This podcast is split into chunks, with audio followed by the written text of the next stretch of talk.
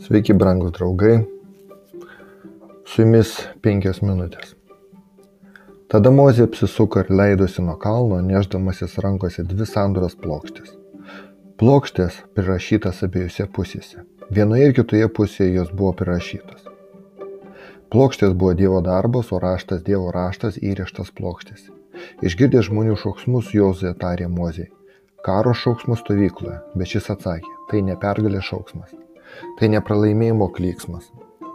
Girdžiu tik užuojančius balsus. Prisartinęs prie stovyklas ir pamatęs veršį bei šokius mozė įniršo. Jis metė plokštės iš rankų ir sudaužė kalno papėdėje. Paėmęs jų padarytą veršį įmetė į ugnį. Sutrynęs į dulkes išbėrė į vandenį ir pakirdė jo izraelitus. Prieės prie stovyklos Mozė ir Jozoje pamatė žmonės šaukiančius ir šokačius aplink savo stabą. Tai buvo pagoniškas garbinimas, imituojantis tai, kas izraelitų buvo matyta Egipto žemėje. Tai nebuvo iškilmingas ir pagarbus Dievo, Izraelio Dievo garbinimas. Mozė buvo priblokštas, jis buvo šokiruotas. Jis ką tik buvo kalnė pas Dievą, jo šlovėje ir dabar ką jis mato. Nors buvo Dievo įspėtas apie tai, kas vyksta išėjimo 32.7. Mozė nebuvo pasirengęs šiai baisiai Izraelio degradacijai tokiam jos lygiui. Jo pyktis buvo karštas. Norėdamas parodyti savo pasibjaurėjimą nuo jų nusikaltimais, nenuslėpti jos, nepateisinti sakydamas, kad čia visko pasitaiko, jis metė plokštės iš rankų ir sudaužė kalno papėdėje. Ir, jie, ir jos buvo sulaužytos visų žmonių akise. Tai reiškiant, kad kaip jie sulaužė savo sandrą su Dievu, taip Dievas sulaužė savo sandrą su jais. Mozė pamatęs, kad žmonės elgėsi palaidai, Aronas buvo leidęs jiems palaidai elgti savo priešų pajokai. Hebrajiškame tekste, kuris rūpščio vertime išverstas kaip elgesi palaidai, kundruto vertime nuoga, turi prasme, kuris skamba taip - elgesi kaip laukiniai. Taigi galime skaityti, kad jis žmonės elgėsi kaip laukiniai.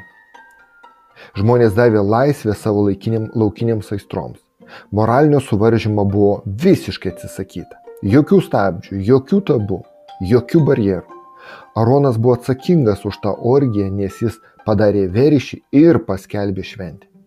Mozė tarė Aronui, ką tau ši tauta padarė, kad užtraukė jiems tokią sunkę nuodėmę? Aronas atsakė, neniršk mano viešpatė, tu žinai, kad ši tauta linkus į piktą.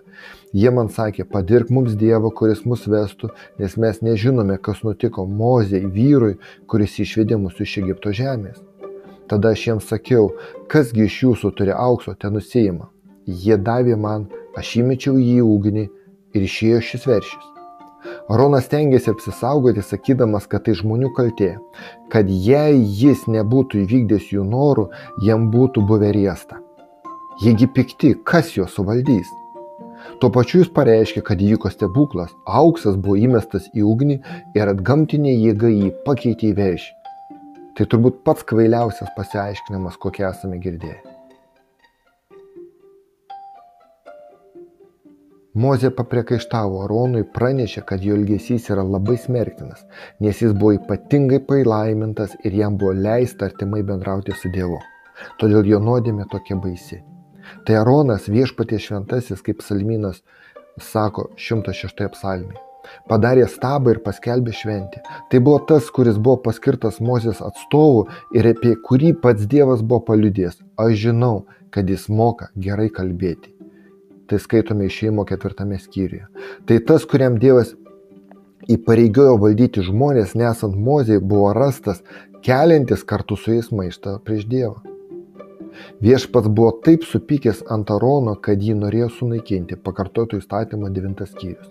Tačiau atsakant į nuoširdų mozės užtarimą, jo gyvybės buvo pasigailėta. O atgailaudamas ir nusižemindamas dėl savo didelės nuodėmės, jis buvo sugražintas į Dievo palankumą. Brangus draugai, niek, niek, niekada neturime būti įtraukti į nuodėmę dėl to, kad žmogus gali mums padaryti ar ką žmogus gali mums pasakyti. Nes žmonės gali mus gundyti nusidėti, bet jie negali mūsų priversti tai padaryti. Likite tvirti ir likite su Dievu. Su jumis buvo penkios minutės ir Algymantas Jankievičius.